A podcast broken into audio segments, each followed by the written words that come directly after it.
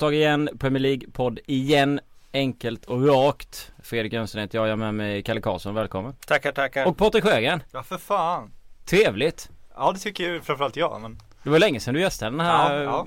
Podden. nu är jag tillbaka och ska sätta knivar i sidan på Kalle som vanligt. Brukar eh, dyka upp till den, i den mer välbetalda Silly Season-podden istället. Va? Det här är ju Ja, femsiffrigt belopp om man är med. Här ställer man ju upp eh, för kaffepengar Ja. i den här podden, så är det ju. Och då, Ja. Sprid inte sådana här rykten nu alltså.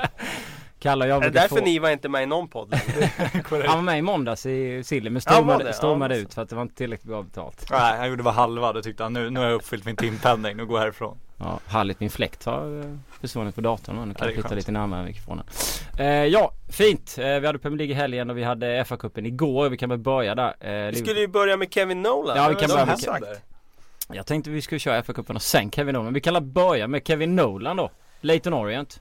Ja, det slog ju ner som en bomb i fotbollsvärlden här att Kevin Nolan alltså kliver rakt in i tränar eh, eh, sulken då i Leighton Orient och det är ju trevligt tycker jag när eh, för detta spelare som har varit stora profiler i ligan inte bara lägger sig i hängmattan efter karriären utan eh, faktiskt eh, kliver ut på träningsplanen och, och plockar lite konor i, i, i eh, i snålblåsten.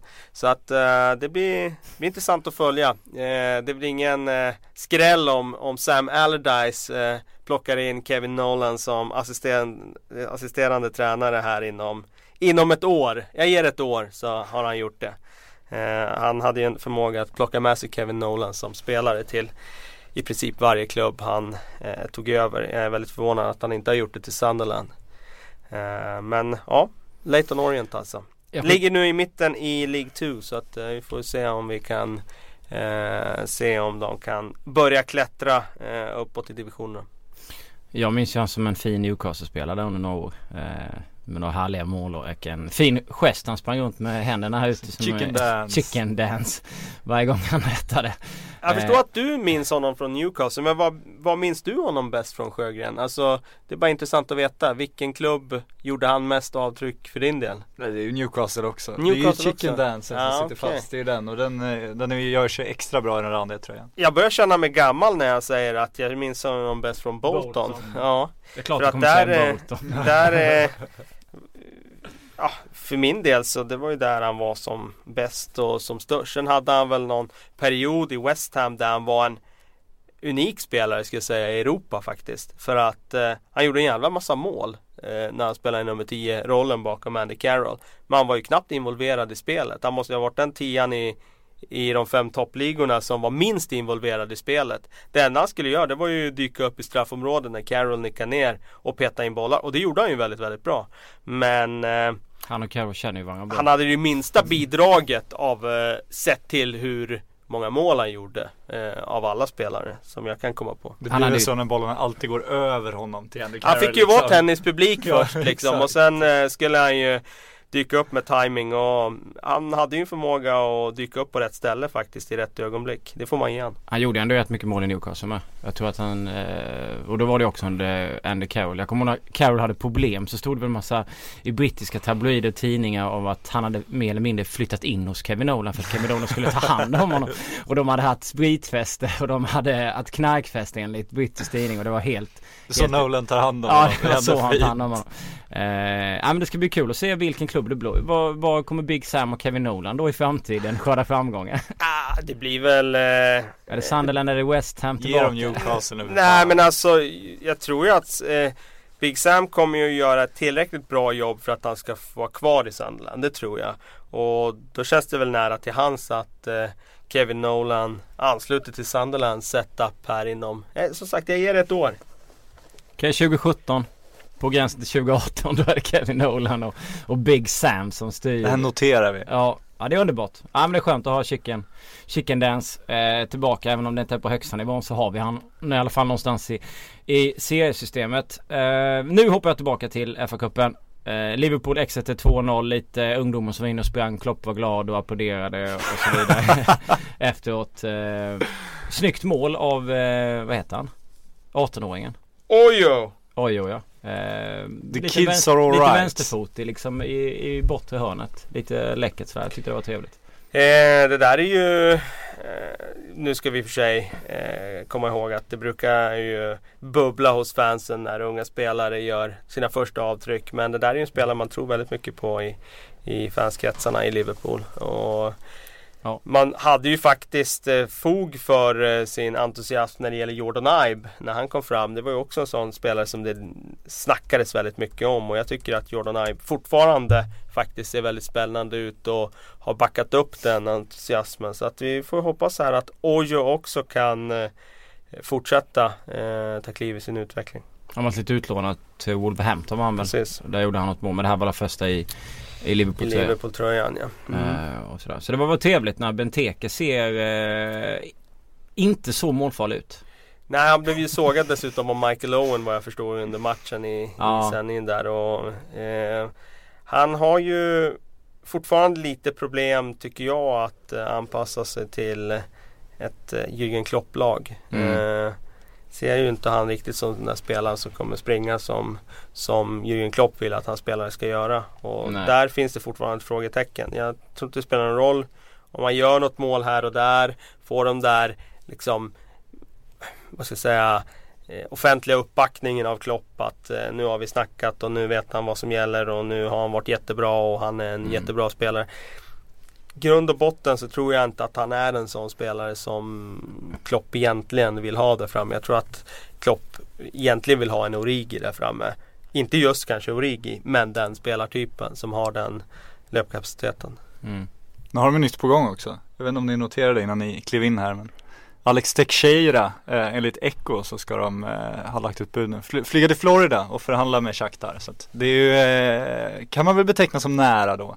Och det är väl ingen eh, det är ingen Benteke-typ direkt. Han är ingen striker heller. Han är snarare en, en, en offensiv mittfältare, en släpande anfallare. Mm. Trots det massor med mål. Så man undrar vart de ska pussla in honom i det där lagbygget också. För eh, de har ju en hel del kreativa spelare där just i den ytan.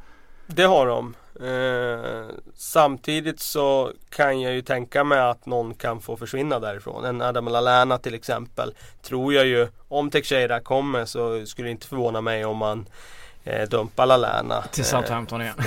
ja, eller vem som nu är intresserad av att plocka en spelare som kommer att kosta en massa pengar. För jag tror inte Liverpool vill ta stor, för stor förlust på honom. Men eh, eh, ja, jag, tror inte de, jag tror inte de plockar in Teixeira och sen behåller alla andra. Mm. Nu kuppen lite stilla här, det är för att höja mitt timarvode här. Ja, så eh, det är helt okej, okay, det har vi sagt i Tack. alla fall. Eh, Inget mer sill nu. Nej.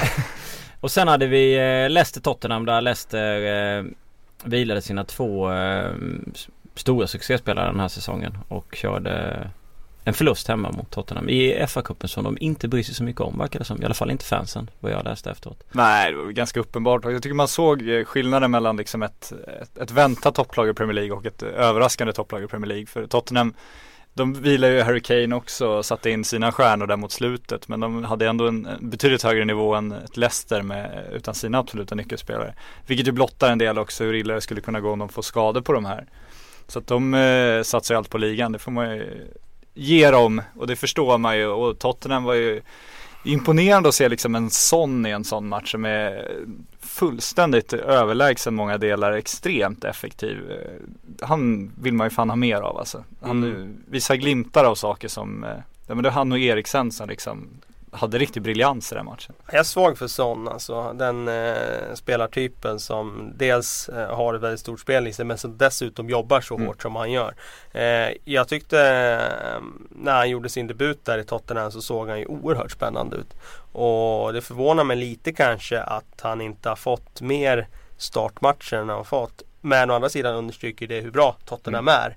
Och jag menar det är inte så himla lätt att slå sig in där nu med Kane där framme.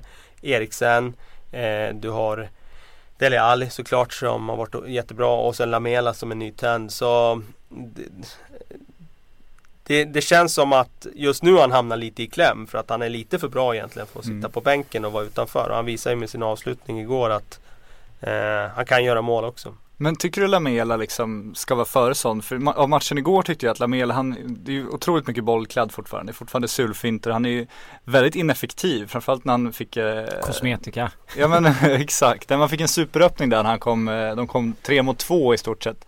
Och han söker Eriksen i någon helt absurd lucka när samtidigt Son kommer soprent till vänster. Han har ju liksom, jag tycker inte han har blicken för det riktigt. Men eh, Lamela har ju faktiskt eh, sen eh, mitten av hösten och framåt tycker jag att han har eh, tagit eh, kontinuerliga kliv i rätt riktning och visat eh, den där potentialen som vi såg i Roma. Så han har faktiskt eh, han har faktiskt spelat sig till en ordinarie tröja på sina insatser. Så att han, han förtjänar faktiskt att ha lite förtroendekapital. Jag håller med om att han kan vara lite upp och ner men eh, han har varit väldigt bra i, i många matcher under vintern. Jag såg ett citat där igår. Eh, på, från Son efteråt att han sa Tom Carroll passed to me and I got it out my feet and shot. Det är precis som att han liksom, då hade inte jag sett målet. Han petade in den från tre ja, meter. jag hade inte sett målet för jag satt och kollade på Liverpool och Celta Vigo igår. Eh, när John sprang runt. Det kändes som att han sprang fyra mil ungefär. Och då låter det bara som att han satte ut foten och sköt. Och sen tittar man på målet så var det eh, Ja, var strumprullaren ja. eller hur? Ödmjuka asiater vet du. Mm, ja det får man ändå säga ja, att det, det, var efter den där fullträffen. Det var ett, det var ett hyfsat avslut. Um, men det är ju sött att han vill lyfta Tom Carroll också. Jag tycker Tom Carroll är fascinerande spelare för han, han har enormt mycket fotboll i sig men han har ju fortfarande inte lyckats bygga en enda muskel på sin kropp. Nu är han väl ändå 23 år vid det här laget och det borde ju, jag förstår inte hur man inte kan lyckas med någonting i gymmet. Alltså det, det är bara att lyfta vikterna Tom. Det, det kommer hända saker då. Det tycker jag är fascinerande och sen är han ju extremt ineffektiv fortfarande. Men liksom tekniskt, passningsmässigt, det finns så mycket där. Man blir så frustrerad när man ser sådana spelare tycker jag. Jag eh, tycker att han påminner väldigt, väldigt mycket om en viss George McEachran. Kommer du ihåg han som slog igenom i Chelsea som ja, 17-åring ja, och faktiskt fick startmatcher då i, eh, i Chelsea-tröjan men som sen hamnade i Middlesbrough och sen inte blev någonting alls. Det var helt sjukt, han fick eh, startplatser då. Ja, precis. Ja, men han var ju samma ty spelartyp. Mm. Alltså det är det jag jämför. Ja. Spelartypen är ju väldigt, väldigt passningsskicklig, bra fot men inte fysiskt någon större pjäs och eh, kanske inte den som heller har så mycket, mycket Alltså han kommer inte bli så mycket bättre heller för att han, eh, han kommer ha samma spelstil egentligen hela sin karriär. Och, eh, det, jag känner lite samma sak med Tom Carroll. Nu tycker jag att han har gjort det helt okej okay när han har fått chansen här. Men det, jag håller med dig om att det blir en helt annan eh, fysik, dynamik och kraft när Moussa Dembele mm. kommer in. Och det har ju visat sig. Jag menar Dembele gjorde comeback här i, i helgen här och var ju dominant och, och gjorde ett klassmål mot Sunderland. Så att det, det känns som att Carroll kommer att fortsätta vara den där utfyllningsspelaren som, som kommer in och, och fyller igen luckor. Gå till gymmet Tom, för helvete. Eh, när det gäller Leicester eh, måste jag ändå ställa frågan eh, med tanke på att han är bekant eh, för de som har följt Allsvenskan och och sådär. Eh, Amatei är ju på the brink för att skriva på för Leicester. Det är bara ett eh, arbetstillstånd och sen är det lite personliga grejer. Jag kan tänka mig att han kommer nog komma överens om det personligen när han har flyttat från Djurgården till Köpenhamn till, till Premier League. Det löser sig. Jag tror inte att ekonomin kommer att bli några problem. Men ser ni honom, jag vet inte hur mycket ni har följt honom i Köpenhamn, men ser ni han som liksom någon som skulle kunna gå in och göra ett avtryck under en vår i Leicester? Eller blir det mycket bänk för honom? Jag tror att det blir en hel del bänk för honom. Men det grundar jag också på att de har ju så fungerande elva idag. Mm. Eh, de har ingen anledning att hålla på och byta runt i den.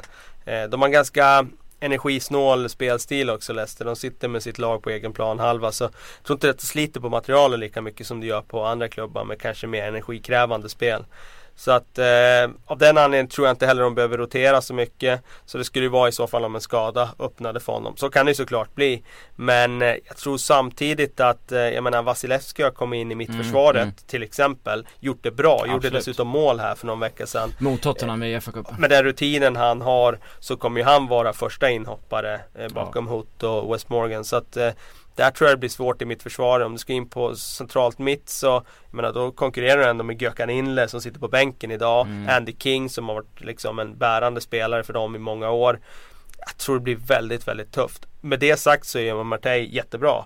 Och han är, har ju åldern för sig, i, i, framförallt i Leicester som är lite ålderstiget så. På de där positionerna. Så att eh, starten, starten av nästa säsong Starten av nästa säsong kanske han kan vara med och kriga om det men jag tror det blir tufft eh, nu i vår. Såvida de inte drabbas av eh, någon slags skadekris. Men det låter ändå som tummen upp för en långsiktig grej. Han kostar väl typ 65 miljoner. Ja men det är, alltså, det är ju en Leicester-värvning. Eh, alltså, de plockar ju spelare som är prisvärda på väg uppåt och sen eh, förädlar de dem och sen eh, tror jag dessutom de kommer vara beredda att sälja dem vidare sen. Eh, jag tror att Amartey är en sån spelare också. Att de har ju sett någonting som de eh, tror att de kan utveckla. Mm. Och det tror jag, alltså av det jag sett honom så, så har han ju egentligen det mesta för att bli en, en spelare i en, en toppliga faktiskt. Ja, och går det så bra som de gör så kommer det ju försvinna spelare i sommar också. Det kan man ju också vara säker på. Så att det finns ju möjligheter att det händer den vägen också. Även fast det kanske inte, de spelare du nämner kanske inte de som står liksom högst upp på önskelistan hos Tottenham United, City, Chelsea. Men det kommer ju roteras i den truppen också när det går så här bra, det vet man ju. Mm. Eh, inte helt sill i och med att vi pratar inte om hur man kommer gå eller inte utan vi bara pratar om hur man kommer passa in. Eh, jag har en annan sån, eh, det är Charlie Austin, Southampton som jag tycker är, eh, vad var det, 4 miljoner pund. För Mm. mig känns Ja. det som en eh, jättebra värvning av dem. Med- Sett vad de betalar och sett hur han levererade förra året. Nu har han varit skadad i QPR. Ett QPR som har gått riktigt risigt för att ramla ut. Men han har ändå haft ett ganska bra snitt. Han gör rätt mycket mål. Vi måste väl ändå hissa den värvningen som väldigt klok eller? Ja, jag tycker det var konstigt att, alltså jag tycker prislappen är ganska logisk med tanke på ålder, ett halvår på, kvar på kontraktet. Men det? Det genkänns Ja, ja, kanske. Nej men jag tycker det märkliga var att de inte sålde honom redan i somras. De var i förhandlingar med Newcastle då, det kan man ju vara säker på. Ja. Ska vi inte säga för mycket silly, men om man håller sig till den här affären som nu genomfördes så eh, tycker jag absolut att det är ett jätte fyndig att ta i för det är inte så att det, det, de liksom har hittat något som ingen annan har sett. Men Nej. ett stabilt köp. Man letar ju efter etablerade spelare i England som inte behöver anpassa sig till ligan och kulturen. Framförallt om du ska värva i januari. Får du då en pålitlig målskytt som bevisligen har gjort mål säsong efter säsong för så lite pengar som det ändå är så no-brainer liksom. Och dessutom engelsman som alltid Ja. brukar kosta lite mer. Man brukar ju få lägga på några pund extra då. Eh, och det har man inte fått göra i det här fallet. Eh, så sett till priset så är det ju en no-brainer. Eh, däremot så sätter jag lite ett frågetecken kring att det borde ha varit andra klubbar som var mer Exakt. intresserade av Mm. honom än just Southampton. För att de Crystal har Palace, ju Swansea. Visserligen är ju Pelle, han är ju inte riktigt pålitlig. För han har ju startat säsongerna väldigt bra. Både i fjol, eller förra säsongen då och även nu i höstas då. Men sen kommer ju han in i de här svackorna där han inte ens är ordinarie i laget Nej. och sitter på bänken och inte levererar. Så visst, det kanske behövs en, en till forward där framme då.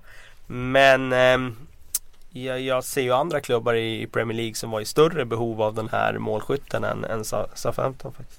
Vi har ju snackat Palace, vi har ju snackat Swansea. Ja, Palace till exempel. Det hade Ja. ju varit naturligt för dem att gå på en naturlig målskytt när de har det mesta annat i, i Men vi har ju sitt lag. inga mål för tillfället. Nej. Vad har hänt? Den otroligt hyllade Alan Pardew är i brygga. Nu fick han Fan. chansen att hugga och då tar han den bara rakt han av. till. Ja. Ehm, De gör Nej, inga men- mål, de förlorar och så vidare. Liksom. Nej men jag, jag tror faktiskt Är det Bola, bara Bolasi? Jag tror Bolasi är en stor anledning faktiskt. För att han är så pass irrationell och han eh, skapar så mycket med sin spelstil. Sen är det ju såklart att det inte bara är det. Men det är en stor anledning, det tror jag verkligen. Eh, och sen såklart att man har tappat lite självförtroende i och med att förlusterna har kommit. Så det ena har lett till det andra och nu är man, tror jag, i den där liksom perioden där man börjar tvivla på sig själv. Var vi verkligen sådär bra som vi presterade i, i höstas? och då är ju svaret förmodligen nej. Eh, och då är det lätt att då kommer det en förlust och så kommer man in i en period där man ska spela ett par tuffa matcher och sen har man plötsligt förlorat tre matcher i rad och då, då är det slut på den där framgångsvågen. Fortsätter det här under våren eller vänder de det här? Jag tror eh, att det kommer att fortsätta på det sättet att eh, de kommer att halka ner lite i tabellen, det tror jag. Mm. Vi har ju varit inne på att Watford skulle göra likadant. Och nu är det fyra raka torsk. Eh, Mm. De förlorade här i, i kuppen mot Swansea va? Eller var det ligan? Fan det kommer jag inte ihåg. Det var 0-1 i alla fall på botten. Nej det var ju i ligan. Ja, Och varken. Dini eller Ighalo hade ett skott på mål och det hade inte hänt för första gången sedan augusti tror jag. Aha, okej. Så nu ser det ut att vara ganska tungt. Det gör det ju. Eh, och det är samma sak där. Jag ska kolla här på deras senaste Men är inte denna klassiska i att de har bytt mycket i somras, de är nykomlingar, de lever lite på vågen fram när det går bra och sen så liksom kommer smällarna man börjar tänka och sen bara bam. Så kommer Ja. julen med intensivt spelschema och det blir mycket uppmärksamhet och det Ja exakt. I fem raka matcher nu eh, med, utan vinst och det är fyra torsk på de fem matcherna Ja. i, lig- i ligan då. Så Mm. lyckades man ju vinna i FA-cupen mot Newcastle Ja, som, som du säkert känner till. Men eh, Igalo har ju inte gjort mål nu sedan den 28 december. Eh, och det är klart att eh, man kan sätta någon slags eh, frågetecken där kring om de har gått in i någon slags eh, fysisk vägg här nu. Att eh, de har kört väldigt hårt på Igalo Dini till exempel. På sin elva överhuvudtaget och om de kanske börjar tappa lite eh, energi nu. Men är man inte lite historielös nu? Eh, alltså det känns som Framförallt i år har ju alla pratat om, men nu är det öppnare Premier League än någonsin, nu är det sex lag, nu kan till och med de här eh, överraskningarna hålla, nu kan Leicester hålla, nu kan Watford eh, hänga kvar upp, högt upp liksom. Men år efter år så är det ju alltid minst en överraskning Hösten Som är där liksom. framme, ja. Mm, och sen kommer jul, sen kommer januari Mm. och sen är det Mm. vanliga. Ja, så är det ju. Så är det ju. Och eh, Nej men jag tycker det var väl det surret vi hade i, tycker jag i höstas här i den här podden att vi, vi sa att det kommer, all, det kommer bli som det blir förut. Ja. Däremot så har jag gjort ett undantag då för Leicester för jag tror att de har så pass många poäng eh, till godo just nu på klubbar som inte har hittat någon jämnhet. Och de de konkurrerar med det är ju typ Liverpool, Manchester United, Ja. den klubbar, de typerna av klubbar om en fjärde plats. Och där tror jag att de har chansen faktiskt att knipa en fjärde plats på, på bara att de, de är fortfarande så stabila, de har inte eh, någon, liksom, något spelsätt som kommer dränera dem på energi eh, mer än något annat lag utan de sitter ganska lågt och kontrar. Och nu åkte de dessutom ut i FA-cupen. Jag tror inte det är någon nackdel för dem.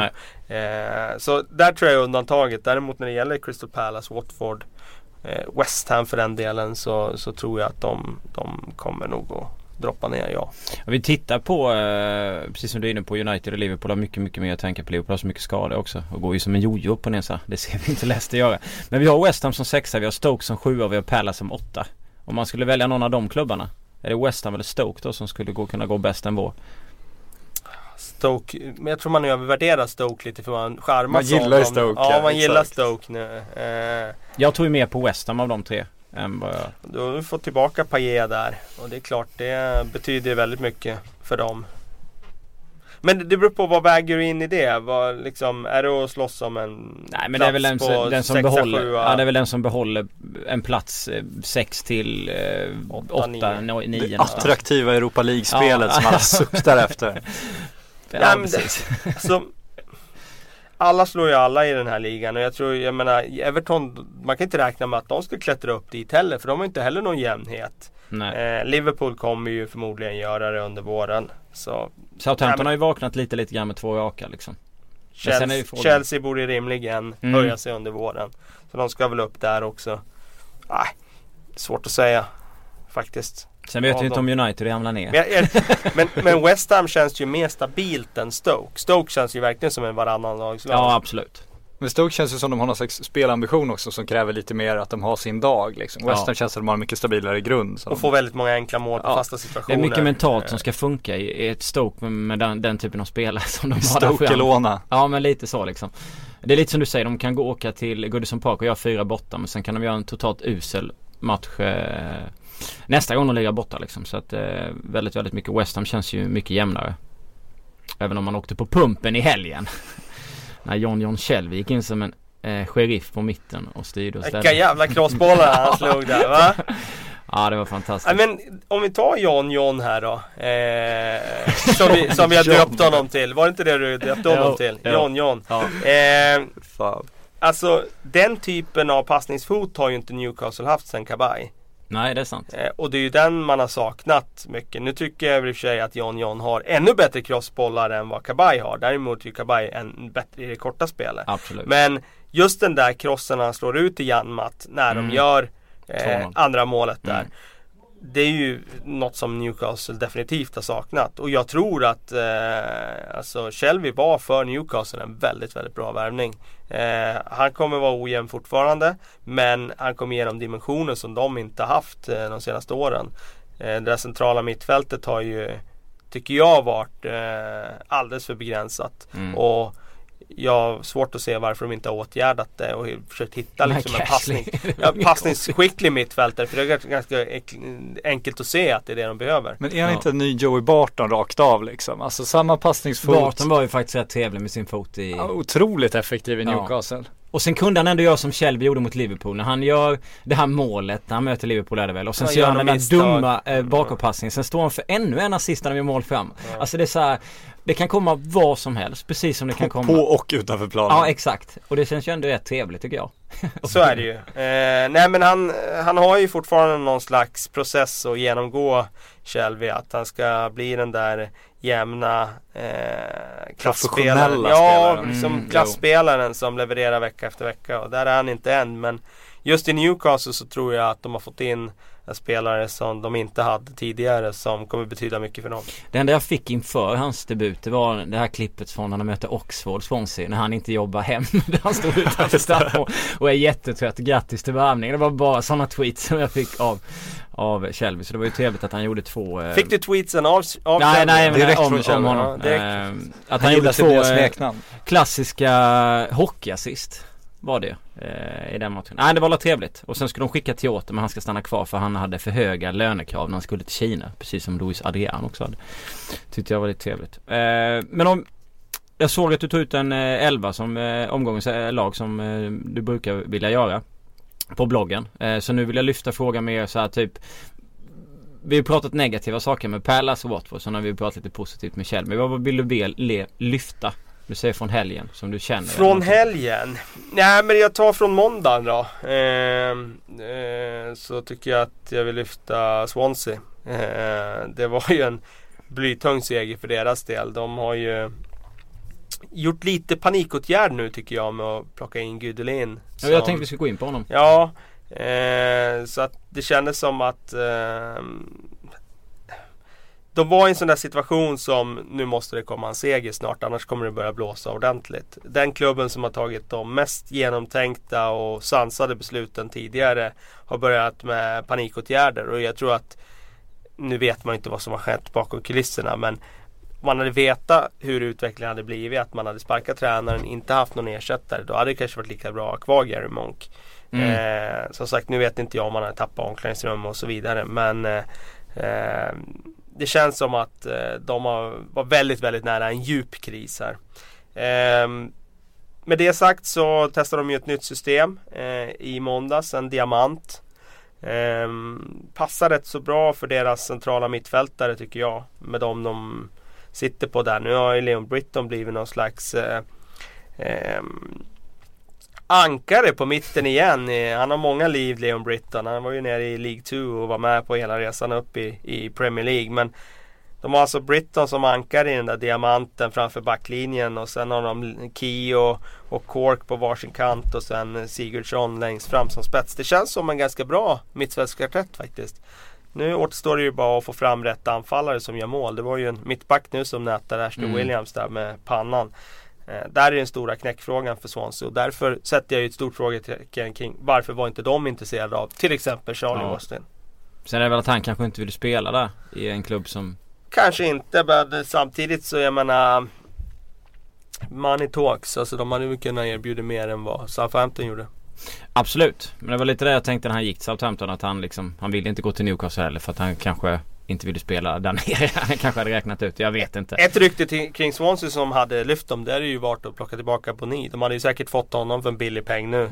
Mm. Eh, han har ju inte rosat marknaden. Eller försökt låna honom i alla fall. Ja, eller låna tillbaka men då tror jag City är bara intresserade av att och sälja. Sälja och plocka in något nytt i så fall.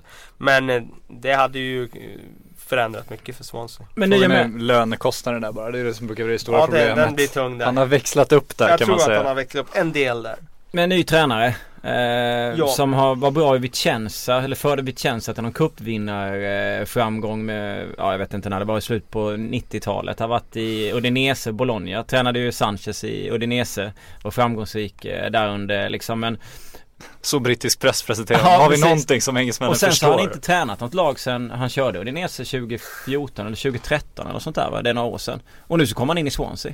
Alltså, ja vad, den var lite överraskande. vad kan man förvänta sig av, eh, av honom? Han är ju en av de skarpaste tränarhjärnorna i Serie A under 2000-talet. Det är ingen tvekan om det med tanke på vad han har gjort med små resurser i, Ja. i Udinese. Ja. Eh, så det är en väldigt kompetent tränare. Sen är det ju alltid det där med att han ska till en ny liga. Eh, han eh, ska in här. Samtidigt så kom ju Ranieri som har varit iskall i rätt många år. Eh, in i Premier League och, och vände upp och ner på allt. Så man kan inte, man kan inte utesluta någonting nu för tiden. När, när Ranieri tar Leicester till ligatopp då går det inte att utesluta någonting. Eh, Gudelin ser man ju som en klart mycket mer meriterad och eh, meriterad så ska jag inte säga. Men han har ju Palermo också tränarnamn i alla fall de liksom. senaste tio åren än Ja. Ranieri. Han känns lite modernare. Ja, lite så. Eh, och jobbat med små resurser. Eh, jobbat med utveckla spelare som de sysslar med i Udinese. Ja. Eh, bland annat Sanchez. Men de har gjort det med väldigt många spelare som de har tjänat en massa pengar på. Så att eh, det är ju en spelarutvecklare. eh, Förutom att han är en väldigt skarp taktiker. Han kanske kan utveckla någon anfallare man har någonstans i Swansea till att komma fram. Ja det är många som behöver utvecklas i alla fall. Så mycket kan vi Om säga. Gomis vill- behöver ju utvecklas något inte enormt. vill betala Eh. Han eh, har ju gått rakt in i brinkväggen. Nu gjorde han i och för sig en fin prestation här. Brinkväggen, snyggt eh, drämde en boll i stolpen här senast. Han var ju nära att näta men eh, alltså, han känns ju iskall. Eh, Eder var ju aldrig någon eh, Premier League-anfallare. Det såg jag aldrig. Men Gomis känns ju bara som en självförtroendespelare. Alltså, om, om han är het, då kan han liksom gå som en ångvält och bara trycka in boll på boll. Är han iskall, då är, ser han ut som liksom eh, Peter Crouch i en jongleringstävling liksom. Det, det känns som det är varken eller. Dömer ut Crouch som, eh, som hattare alltså. Ja, jo men det är Faktiskt. Jag tror han är bra på att hatta. Tror Så du han har det? ganska bra grundteknik Crouch. Jag såg en brasiliansk hund som Långa ben också så han kan rädda, upp Ja det är så eh, du sina tänker, men han ska misstag. ändå kunna Kommer liksom kommer ni koll ihåg det han sjuka målet. Stoke gör från kanten? Ja, ja, mot City. Eller nej, quote, ja, Crouch, alltså det är helt, alltså jag visste inte vad jag skulle ta vägen. Det Bakom nästan Joe Hart där. Man bara skulle ställa sig upp och gå rakt ut härifrån och åka till Hawaii och tänka att livet var över ungefär. För att Ja, var det, är, sjukt det är alltså. Galet. Det är galet. Men eh, man måste ju ändå ge Crouch att han har gjort rätt bra mål alltså. Han ska ju ha en Mm. bra topp 5. Han Mm. gjorde ju i alla fall två riktiga bicicletas. Eh, under sin eh, tidigare karriär. En i Liverpool vill jag minnas. just Eller om det till och med var två i Liverpool. Som han cyklade in verkligen. Eh, man trodde ju inte att han kunde göra Nej. det med de där eh, bläckfiskbenen. men eh, han eh, Nej men han överraskade där så att eh, Ja, nej. Bra topp 5-lista ändå. Slår inte Zlatans men den är ändå bra. Eh, men där vi, vi pratade om det lite innan men Slå alltså Nolans i alla fall. Ja det tror jag nog- han gör. har nog tryckt in ganska många i, i straffområdet. Eh, vi pratade om det lite innan vi gick in också. Eh, vi vill ändå diskutera eh, kvaliteten på Premier League. Det har ju varit lite, jag läste några tweets som du hade, du hade ganska mycket diskussioner där men- med folk angående Liverpool, Arsenal 3-3, Newcastle, Manchester United 3-3. Folk jublar åt underhållningen. Samtidigt så är det så otroligt bristande kvalitet i båda lagen och det är därför det ser ut som det gör. Eh, jag och Kalle diskuterade senast. Vi sa väl att vi kunde både gilla det, det ena och det andra, båda sidor och så vidare. Men vad skulle ni säga nu om ni tittar på Premier League den här säsongen? Eh, Jag blev så fascinerad just för jag, ja, men jag drog igång det där på Twitter, någon slags diskussion där om att det, de svenska kommentatorerna sitter och Framförallt experterna sitter och är Erik Niva! Nej, En inte attack. Erik Niva, inte Erik Niva, andra. Nej men sitter och är lyriska över liksom Det, det står 3-3, åh vilken match, den har allt och Newcastle är eh, mötte väl, ja men det var också så här, ja men det är fantastiskt, vilken fotboll liksom. Och då var det, de första 20 minuterna i den andra halvleken var tveklöst utan att överdriva det, Ja, det sämsta Premier New- League-fotbollen jag sett. Newcastle, Ja. Manchester Ja, United. Ja, alltså det, det var var, så en extremt ofantligt låg uselt. kvalitativ match. Var det. Ja, men Ja, då det sitter var- de med, ah vilken match, vilket tempo så här. Ja men det är för att de inte kan kontrollera tempot. Det är ju hela grejen. Och då blev jag lite fascinerad då när, eh, eller jag fick lite ny, ny, ny vatten på min kvarn när Kalle efter stormatchen här, United-Liverpool. Också var väldigt tydlig i din text med att liksom, ja men det här, det här är inte bra, det är inte bra fotboll. Och då undrar man ju alltså, vad är det som pågår? Det känns som de har släppt alla taktiska direktiv. Det känns som det är så jävla, det känns som den gamla Premier League-fotbollen igen när man liksom kastar ut en boll och så var det bara fullt ös. Och känns som Klopp eldar på ja. det ytterligare. Och då såg det ut som det gjorde där. När det inte är någon kvalitet och det inte är något ös. Då får vi Liverpool Manchester United 0-1 Wayne Rooney på en slumpsituation. Ja. För att det händer ingenting. Finns ingen kreativitet. Men där, just det, jag tycker det är två olika grejer. Jag håller med dig. Men jag tycker två olika grejer. Som om vi tar Liverpool United-matchen så tycker jag inte att det var brist på taktik egentligen. Utan mer på spelarnas eh, grundläggande teknik och, och spelkvalitet. Alltså för mycket enkla misstag, spelare som inte är medvetna om vad som händer runt omkring dem. Ja, men, Eh, men där fick jag det, om jag får presentera samma mothugg som jag fick. A lot can happen in three years, like a chatbot may be your new best friend. But what won't change? Needing health insurance. United Healthcare Tri Term Medical Plans, underwritten by Golden Rule Insurance Company, offer flexible, budget friendly coverage that lasts nearly three years in some states. Learn more at uh1.com. Då, om man tänker att det inte är taktik. Det var att, att de driver, Liverpool är så bra på att driva upp tempot så att det är det som liksom tar fram de här misstagen. Och då undrar jag om man ska driva upp tempot så hårt så man inte ens klarar av det själv liksom. Det var där jag landade i den. Ah, jag vet inte om jag köper det riktigt. Det är klart att det finns en poäng i det att eh, tempot i Premier League är högre än i andra ligor. När det handlar om att springa, springa, springa och driva upp tempot så är det högre. Eh, om man jämför med Serie A så går ju Serie A liksom i någon slags lunktakt och Premier League går ju eh, avsevärt fortare. Men jag, jag ska ju inte säga att Premier League spelkvalitet bara beror på att eh, spelarna, att tempot är så extremt mycket högre och att, de, att det är det som, jag tycker att den tekniska kvaliteten är för låg på alldeles för många spelare, tyvärr.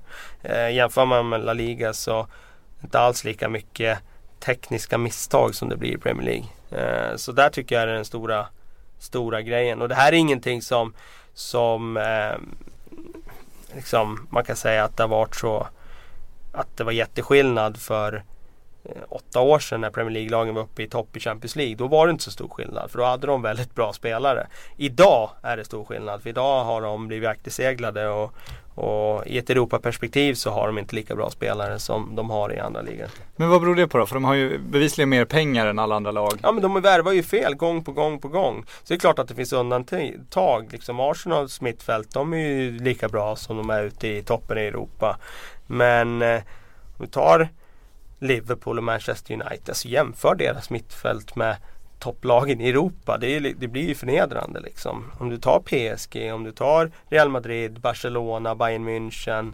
Alltså de här stora klubbarna, de, de har inte en chans. Juventus förra året när de hade Pirlo, eh, Vidal och Marquisio. Alltså det, det är en helt annan kvalitet på spelare. Så att eh, jag tror att det är så enkelt som att Premier League har haft väldigt mycket pengar. Man har öst pengar över spelare men man har ju inte prickat rätt när det gäller värvningar tillräckligt ofta.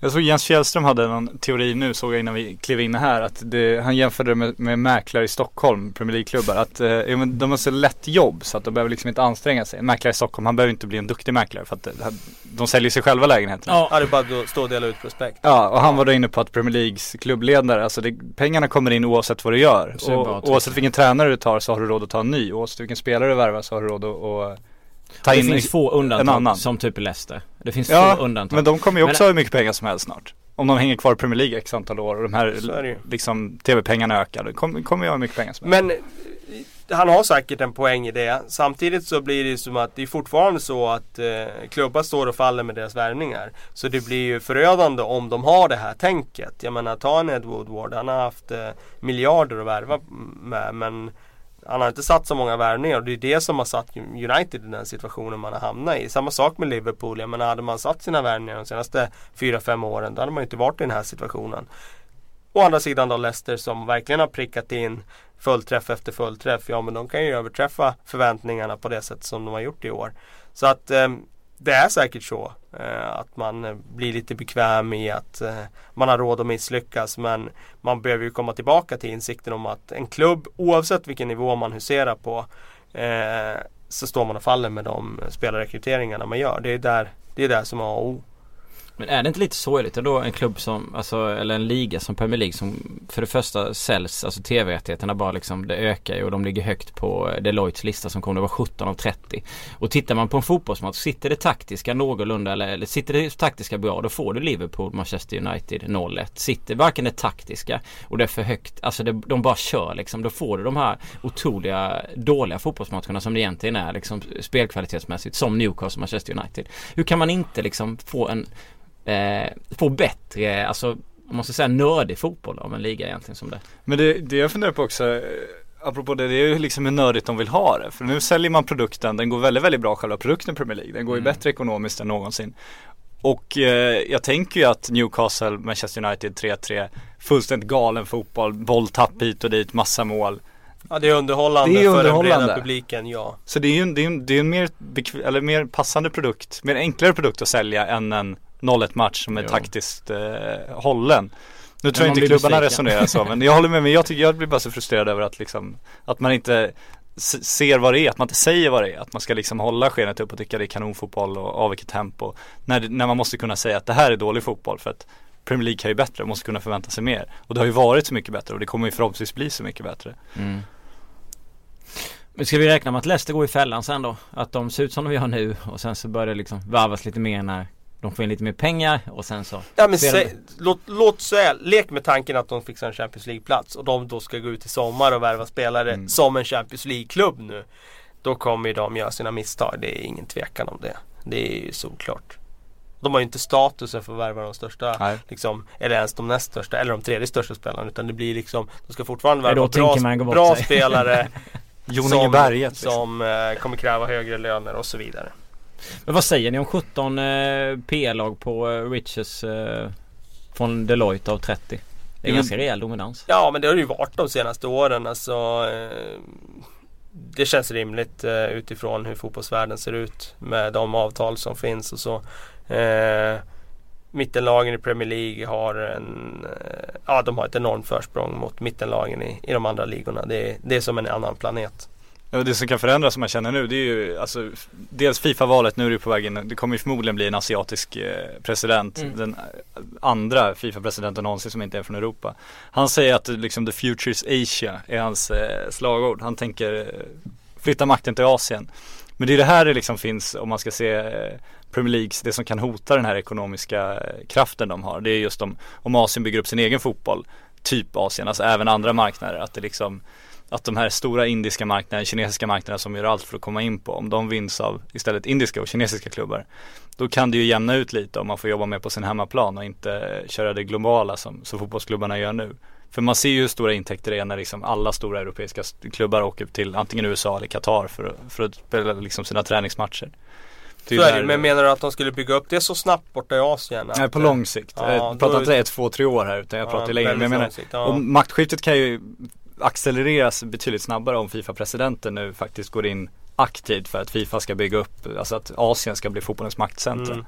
För de europeiska klubbarna ägs ju till stor del av asiatiska ägare nu så att det kan gå snabbt. Fotbollen håller redan på att flyttas dit. Men Bill Gates då? Han skulle väl köpa all världens fotboll? Ja, enligt den här härliga ryska tidningen Izvetsja så eh, diskuteras det. Det vore ju fantastiskt. Du hade, du hade gillat det? Eh, jag vet inte, jag tycker att det, det, känns som det, engelsmännen blir helt galna nu över att liksom fotbollens maktcentrum ska flyttas till Asien. Varför kan inte Europa behålla det? Men samtidigt, Fifa är ju världs, världsorganet för fotboll. Europa har bestämt över det sedan liksom 1904. Det är väl dags att någon annan får lite att säga till om också kan man ju tycka. Mm. Ja det ska bli spännande att se eh, vad som händer. Jag eh, fick eh, ett mail om van Arnholt. Vad har hänt med honom? Helt enkelt stod det i mejlet. Jaha, vad, vad tänkte de på då? Att han hittade Att han har gjort mål form. nu helt plötsligt och hittat form, en fin form. Nej men alltså jag tycker att van Arnold ända sedan han kom till eh, Sunderland så Det är ett gött hopp från Bill Gates till van Arnold. Ja, ja det var fin faktiskt. Ja, men eh, ingen övergång är, är eh, för stor för att hoppa över ja, van Arnold. Eh, nej men jag tycker han har varit bra ända sedan han kom till Sunderland. Eh, framförallt offensivt, haft lite kanske eh, brister defensivt men eh, att han har den där förmågan att göra mål assist det tycker jag nog han har visat under sin tid i, i Sunderland. Eh, inte varit jämn nog. Eh, haft perioder där han varit väldigt bra. Kom in i svackor där han varit väldigt dålig. Eh, men eh, visat bra tendenser nu på sistone och ja, det är i alla fall lovande att de har fått fram en ytterback i den där backlinjen som som kan vara lite bofast och de kan bygga på på sikt för att de har inte så många spelare att eller har inte haft så många spelare i Sunderland att bygga på på sikt de senaste åren. Han kom, han var väl till Chelsea va? Mm. Och sen Stämmer. utlånad till eh, Massa klubbar. Massa klubbar. Vitesse måste han ju varit i. Det har nog varit det. Och sen Sunderland. Ja, eh, nej jag måste ju lyfta upp det här som, som händer eh, i mailboxen angående PL. Det är många som gillar att ställa sina frågor där. Eh, så att det bara fortsätt mejla. Jag Men fick... mailar de frågor eh, direkt till dig nu på mail alltså? Ja, då- du- vissa som väljer går att- runt Får Kalle inte insyn i det här? Ja, Nej det behöver jag inte ha men jag tänker gillar att, inte eh, du det Kalle? Att du tappar kontrollen över vad det är som Ja, händer? det, jag släpper gärna kontrollen till dig. Jag känner inte att jag har någon kontroll eller haft någon kontroll över den här podden någon gång egentligen. Utan jag sätter mig här och snackar. Men ehm, jag tänker på att du, Nu tar han du, kontrollen. Du, eh, du förbiser väl inte alla hundratals frågor som har kommit in här på Twitter-taggen? Nej, absolut är inte. så jävla 1990. För fan. Ja, det återstår bara att det kommer ett handskrivet brev med en fråga nästa, nästa vecka. Vi får mest eh, handskrivna brev med klagomål. Jag vet att det hänger ett gäng där borta. Eh, som alltid är roliga att eh, läsa. Så skicka gärna handskrivna eh, brev till Kalle Karlsson. Det ser jag fram emot. Lyfta Får- i... eh, Det fick man när man började på lokaltidningen en gång i tiden. Det är ju Gammal Då- är du? då- Ja precis, då är vi tillbaka när man var 16-17 bast på lokaltidningen i ett annat sekel. Eh, och då kunde man, det har hänt någon gång att man har fått ett handskrivet brev. Inte många gånger men eh, någon gång.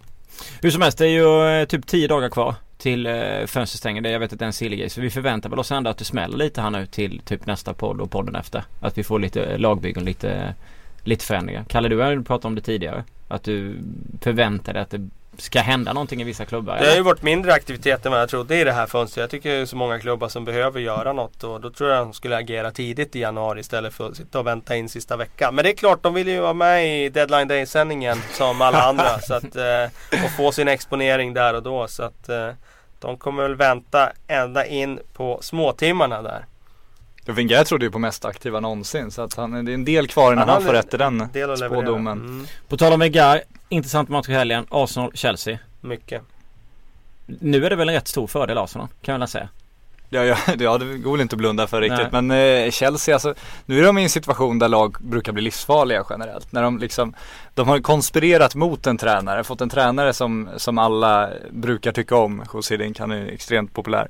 Och nu måste de ju tillsammans då bevisa att de hade rätt som avsatte Mourinho. Och det brukar ju bli en, en riktigt farlig jävla kombination. Då kan man gå på mål ett halvår. Så att just nu eh, ska det bli jävligt intressant att se Chelsea. Jag tror att eh, de, de definitivt kan bli vårens lag. Men då borde de slå Everton hemma till ja, exempel. till exempel. Det har ju inte Så sett sådär jättetrevligt ut ändå. De har väl, var de fyra kryss av de fem sista? Ja, något Men- sånt. Uh, och, Sluta jag- förlora vet du. Jag tycker för, På gång. Det är för mycket där som inte liksom stämmer för att de bara ska kunna gå som tåget. Jag tror inte de kommer göra det i vår ändå. Jag håller med dig om att eh, det finns en motivationsfaktor där som eh, man inte ska underskatta. Men eh, som när Matic är i den här usla formen Mm. som han är i. Eh, Pedro gör ingen nytta just nu. Det, det är för mycket som inte det är för många spelare som inte levererar. Nu var Ivanovic svag här igen mot Everton till exempel. Men du vet ju vad som kommer hända med Teixeira va? Liverpool kommer ju flyga, flyga in någon läkarundersöka, sen kommer Chelsea ta någon sista dagen. Så Förmodligen. det var vänta innan. Men de har ju John Terry. Han klackar in mål eh, i offside situation Ja. efter matcherna egentligen borde vara slut. Och fixar poäng. Hyfsat tydlig offside, herregud. Men vilken hjälte liksom.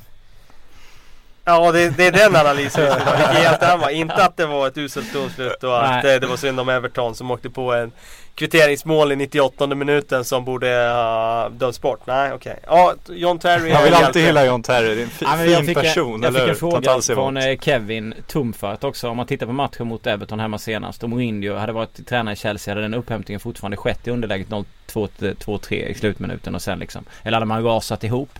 Ser moralhöjaren Kalle? Var det här fjolåret Chelsea vi såg i andra halvlek? Eller vad var det vi såg? Ah, Jag vet inte. Det, jag tyckte de var eh, ett sånt där delat Chelsea som de har varit mycket den här säsongen. Alltså första halvlek så släpper de inte till så mycket lägen. Men då har de inte så mycket lägen själva heller. Sen när de börjar jaga matchen och ligger under med två bollar.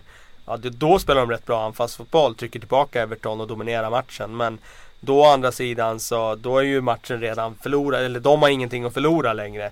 Så det verkar som att det ska till något sånt för att de ska släppa lös och det, det är ingen bra Det är inget bra tecken utan det, det, där spelet ska ju kunna komma redan från starten i en match när, när det står 0-0. Men jag tyckte att Everton hade initiativet stora delar av första halvlek. Eh, och det tycker jag är ett tecken på att det, det är inte Det står inte så rätt till i Chelsea. Även om Fabregas gjorde ju ändå ett mål. Fin passning till Ja men om vi tar Fabregas då till exempel. Han var ju helt anonym i nummer 10 positionen först i första halvlek. Ja. Och sen när han fick flytta ner ett steg. Då fick han styra spelet och då gjorde han det ju fantastiskt bra med den där passningen till Diego Costa. Den var mm. ju slagen med kirurgisk precision. Försvarsinsatsen kan man ju också. Jo men alltså precisionen i den passningen ja, ja, går inte att diskutera. Det, Sen... Han slår den 40 meter, ja. dimper ner precis på den decimetern där den ska dimpa ner. Ja.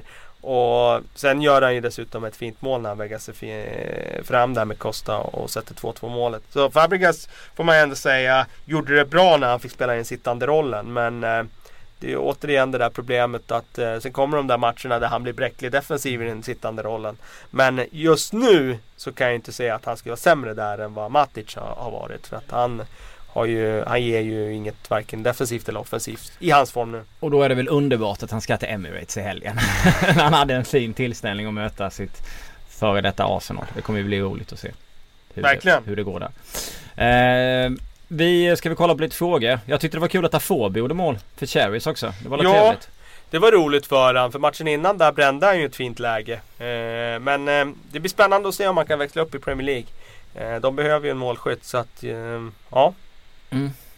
Och de la ju rätt stora pengar för att vara Bournemouth så att eh, De köpte ett par stycken så de börjar lyckas med en kan man ja, tycka. Det kan de har ju sex eller sju forwards. Ja, Riskspridning. De skulle ju skicka han, eh, vad heter han? Jan... Eh... Ja men det är ju så i tuffa börstider. Då ska man ju sprida riskerna liksom exakt. på många ägg i korgen. Och det är väl den taktiken de, de använder. också. Kermorgant, vad heter han? Kermorgant. Ja. Det var han som gjorde den här, var inte han som gjorde den här klassiska straffen eller något? Ett år så vände det åt andra hållet. Och sen åkte Ja det var det nog. Ja, gick från, han blev, vad var det han spelade då? Reading eller vad var det? Nej? Nej var det i Watford? Kan det ha varit Det var, var kanske i Watford.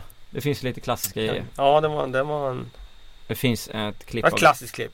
Det är samma som det här klippet som jag Ja nej men de släppte ju Kermorgant nu.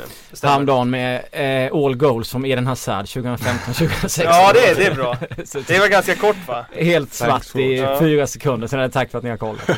Så jävla sjukt. Ja det, det är ju sjukt bra. Ja, um, lite frågor. Som sagt Jonas Jägers uh, frågar uh, på Twitter skillnaden mellan hur bra bottenhalvan är i år jämfört med tidigare PL-upplagor Ja, men jag tycker den är bättre. Eh, jag tycker mittenhalvan är klart bättre. Eh, bottenhalvan vet jag inte, alltså bottenhalvan. Alltså om vi tar de sista lagen i Premier League, de är inte bättre än tidigare. Det tycker jag inte. Jag tycker inte det finns något imponerande att säga om Aston Villa och Sunderland och Newcastle för den delen heller. Eh, men, eller Swans i den här säsongen. De har varit väldigt svaga.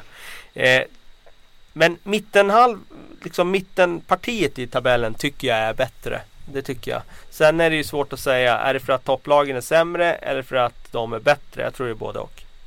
Alla är sämre. Ja, mittenlagen är bättre. Topplagen mittenlagen är tror jag är bättre, det tycker jag nog. Och det är, Everton är ju ett mittenlag som vi har sågat för att de inte kan TV-avtalet har ju såklart hjälpt till. De har ju kunnat värva bättre spelare, satsa på och sen har de kunnat behålla spelare, det är väl nästan mer det också. Det också. Liksom, du har råd att säga nej till en halv miljard för John Stones för att liksom, du, du behöver, alltså en halv miljard i din verksamhet är inte så mycket längre.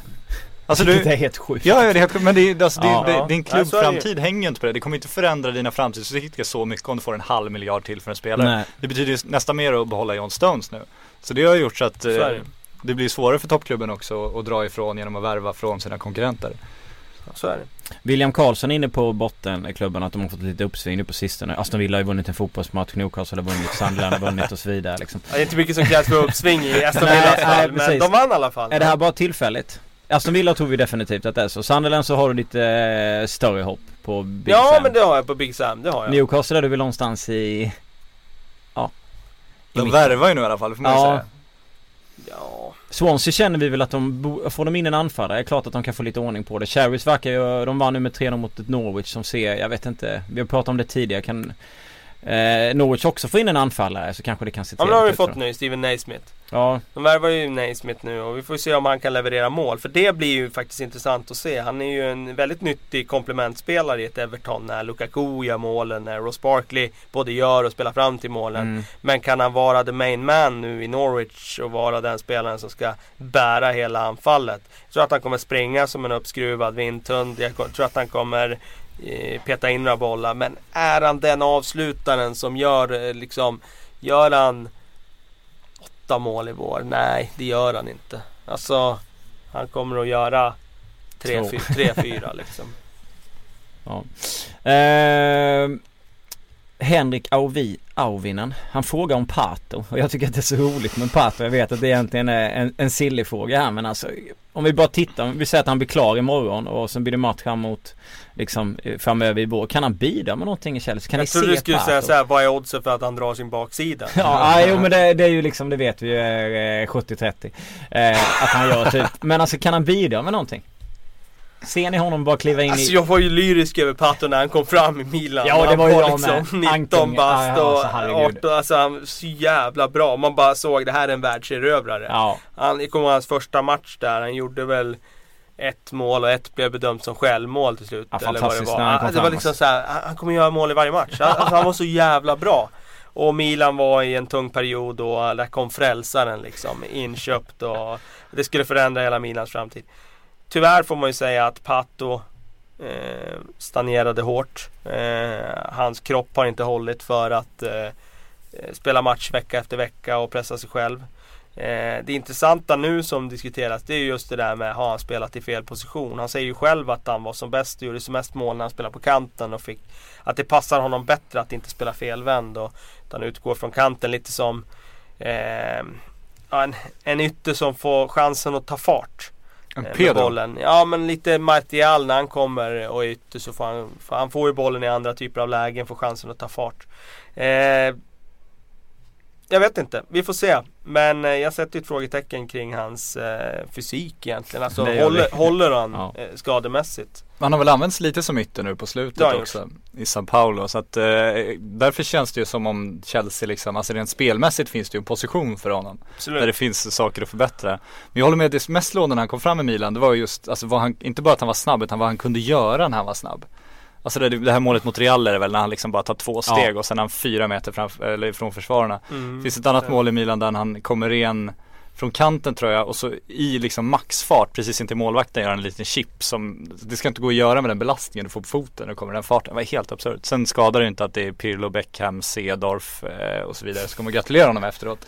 Det är ganska fina bilder då. Ja, Men det- absolut, hur mycket av snabbheten är kvar? Det, det var ju den han levde på. Det var den som gjorde att man tyckte att här kommer världserövraren. För det var ju inte hans spelintelligens eller Det hans blir ju skott. ett problem när du drar den där baksidan och så gör du det igen och sen eh, tappar du ju lite av den där snabbheten då.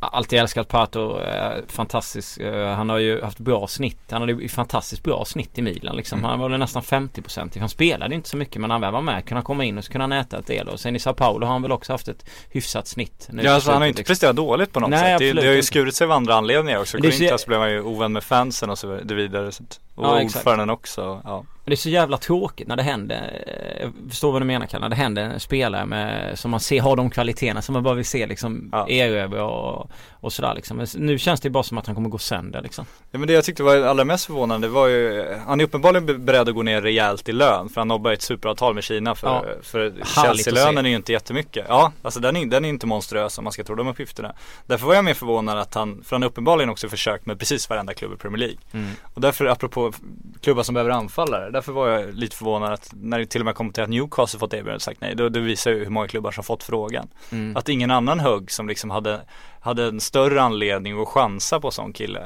Mm. Det tyckte jag var lite, lite förvånande. För hade, alltså det, det är ändå en typ av spelare, får man igång honom så är det en sån spelare som mittenlag i Premier League och bottenlag i Premier League inte har råd att värva annars. Så Nej, att de exakt. inte, inte, inte var beredda att chansa, det tyckte jag Men han är ju, nu ska jag inte, nu ska jag inte jämföra hans eh, utanför planen eh, aktioner med, med Balotelli. Men han är ju lite av den där, du, du vet ju inte riktigt vad du får. Nej, du kan lägga en stor summa och sen har du verkligen råd att chansa? Jag är inte så säker på att du har det. Vad alltså om du är på? den där mittenklubben. Har du, alltså det är ändå 100 rätt miljoner. mycket pengar.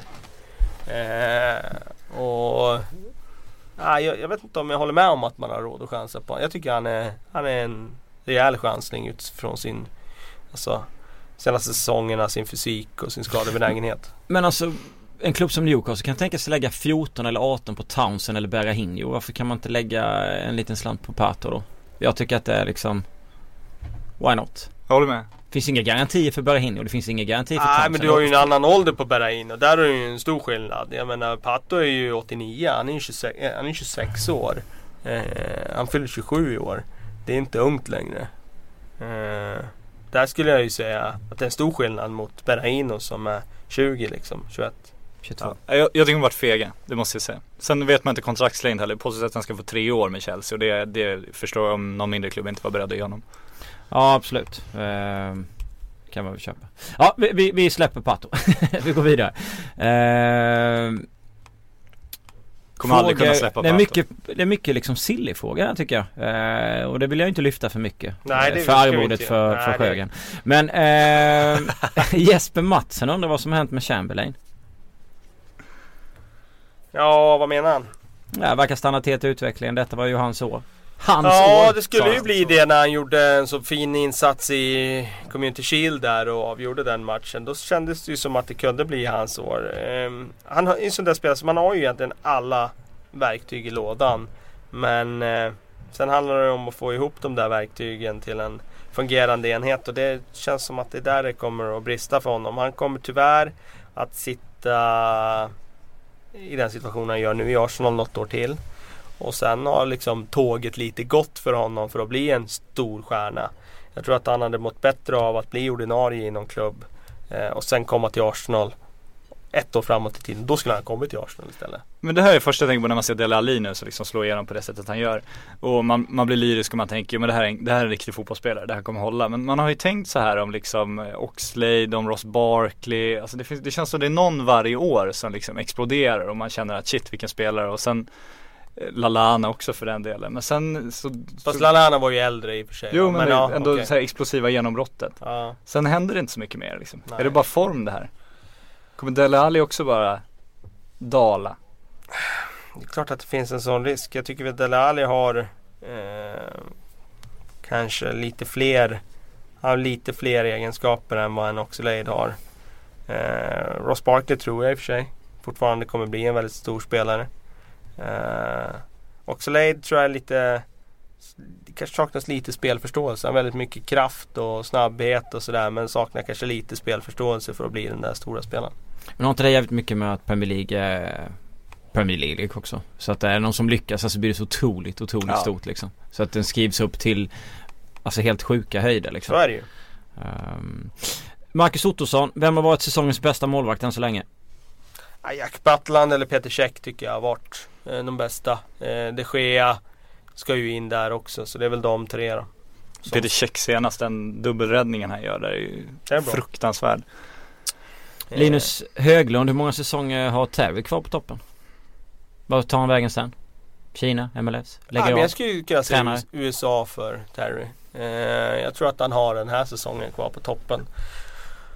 Sen tror jag faktiskt inte att han har mer eh, på toppen, om vi snackar toppen. Utan jag tror nästan att i sommar kan det vara läge för han. Om man inte vill bli den där som folk ska be sluta utan han själv ska ta beslutet. Då tycker jag nog att det var läge i sommar att kanske börja titta på MLS. Och nu har han ju några vänner som har tagit den resan bort dit så det ligger väl nära till hans.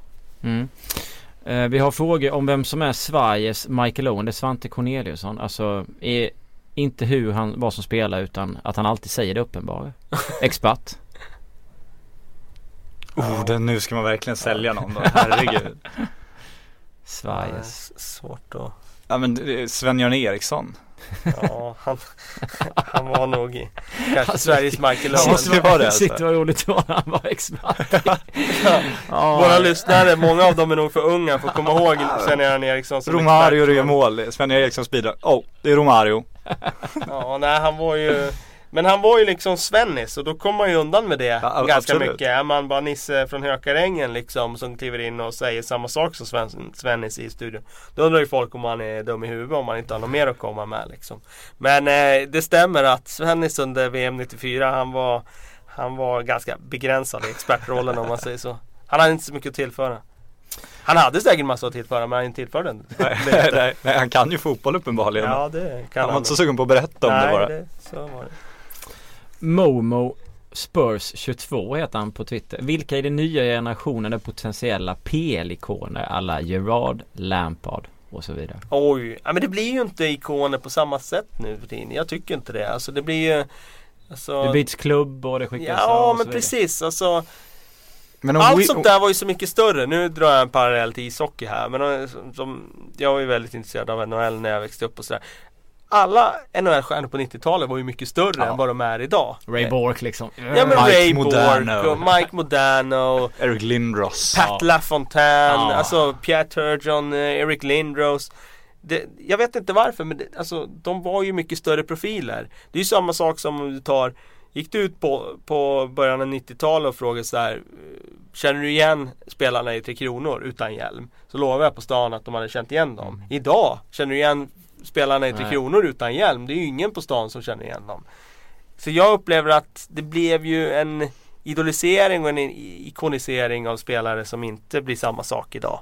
Informationssamhället har förstört eh, Ja men vad Det är för beror det på? För Nej jag, men jag tror att det är för mycket. Men jag blev så att- jag blev så förvånad för jag skrev Jeremy Pennant nu och så läser man så här om, om de gamla historierna och säger så här, ja, men det, det är Leeds-spelare och det är någon misstänkt våldtäkt och sen kommer man till Liverpools träningsläger och då är Jerzy Dudek så packad så poliserna får ge en örfilar ansiktet och bära honom från platsen. De är helt glömd. Så kommer man, de har inte ens liksom närmat sig episoden när Craig Bellamy slår en sovande Nej, Jon Arne nej. Riise med en golfklubba Så det också. var- ja.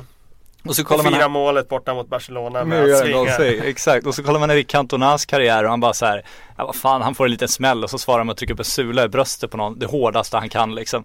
Han gör en kung fu spark på en supporter. Det händer ju inte idag för du hade ju blivit bortplockad från sporten liksom. Robbie Fowler när han kryper vid, vid, Ja. vid linjen där. Men det är ju ingen som skulle liksom komma lite. på att göra det idag. Och då lär ju profilen också eh, dämpas lite. Så känns det ju. Det räcker att du tar av dig tröjan med ett litet budskap idag så blir det ju käftsmällen Ja. rakt på liksom. Ja men verkligen så. Sen tycker jag alltså det finns ju Om man bryter mönster och är Bentner, då blir man ikon på sitt sätt. Ja kanske. fast man blir väldigt obekväm för sina klubbar samtidigt. Så Så, blir det det är ingen som riktigt Men hade han längre. varit obekväm om han samtidigt hade varit en världsklasspelare, då hade han ju blivit den här Cantona-typen. Nu var han ju inget bra som spelare och då blev han ju obekväm. Samtidigt så eh, Han- en, en Luis Suarez får ju också liksom bära hundhuvud och gå Ja, gatlopp. bära hundhuvud, men han var ju inte obekväm för Liverpool så pass så att de tänkte han ska vi bli av med. Nej nej Utan så är det. Nej det nej nej, så alltså, nej han det är ska vi klart- inte bli av med. Nej det är klart folk hade behållit Bentner om han var lika bra som, som Cantona hade Suarez. Det håller jag med om. Men jag, alltså även i pressen så är det ju, oavsett hur bra det är så tolereras det ju inte längre på samma sätt. Med tanke på Suarez hur utskälld han blir liksom. Inför hela världens ögon. Det, det, Men han hade ju- Cantona han- blir ju inte riktigt lika utskälld om vi säger så. Men hade Suarez stannat så hade han ju blivit det i, i, i Li- Liverpool. Det kan man väl ändå säga om att han levererar. Obekväm? Nej men en, en ikon för Ja, en det ikon, han absolut. blivit, liksom. Jo men han jag, men jag tänker bara om en Jack Wilshere hade varit en, en större profil vid Ja. sidan av planen. Då hade han ju redan varit på god väg Lampard som man klubbikon då som ett sätt, exempel har ju levererat under lång period. Gerard var ju liksom, alltså det behöver inte ens gå in på vilken ikon han har varit och så vidare. Liksom. Phil Collins älskaren. Ja ex- exakt. Eh, men Theo Walcott som har varit i Arsenal i tio år kan vara några år till. Kan han, eh, kan han bli en sån ikon? Nej, det är svårt att tro alltså. Nej.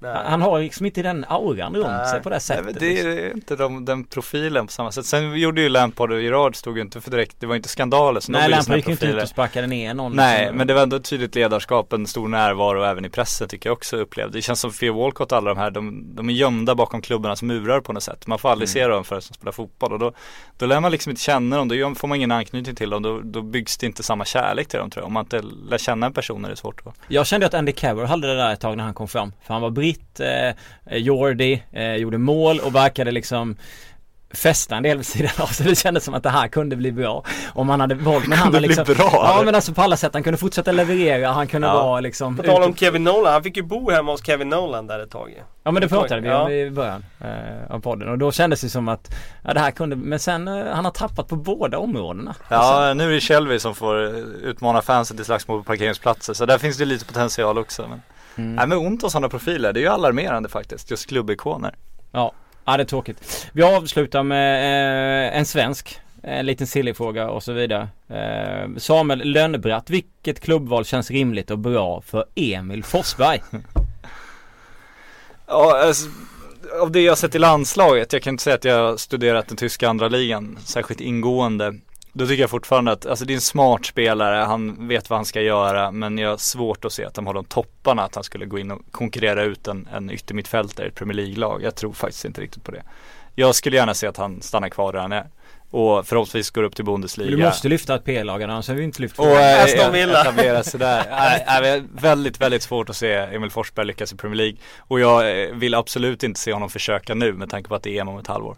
Mm. Nej nu är väl fel läge att gå. Men jag tror ju att skulle han gå nu då är det bara klubbar som skulle kunna bli aktuella som typ Norwich, alltså Aston Villa, där, där nere någonstans. Mm. Eh, annars tror jag väldigt svårt. Men vi låter han vänta lite. Helst, alltså jag till det är efter smart, sommaren i alla smart fall. att Alltså. vänta lite. Göra ett bra EM och sen gå efter det. När det gäller svenskanknytning så har jag en fråga till innan jag jag stänger ner här. Ola Toivonen och Sebastian Larsson borde dra, eller? Det är Alltså, inte så att de är liksom fantastiska eller, och får jättemycket chanser för tillfället. Nej just nu är de ganska kalla så att jag, jag tror att de kommer att röra på sig i sommar båda två ja.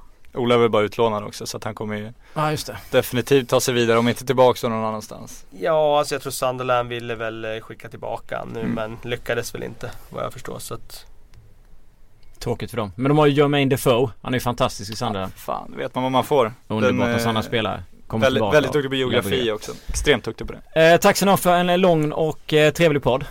Ha det Tack så bra ute. tack själv.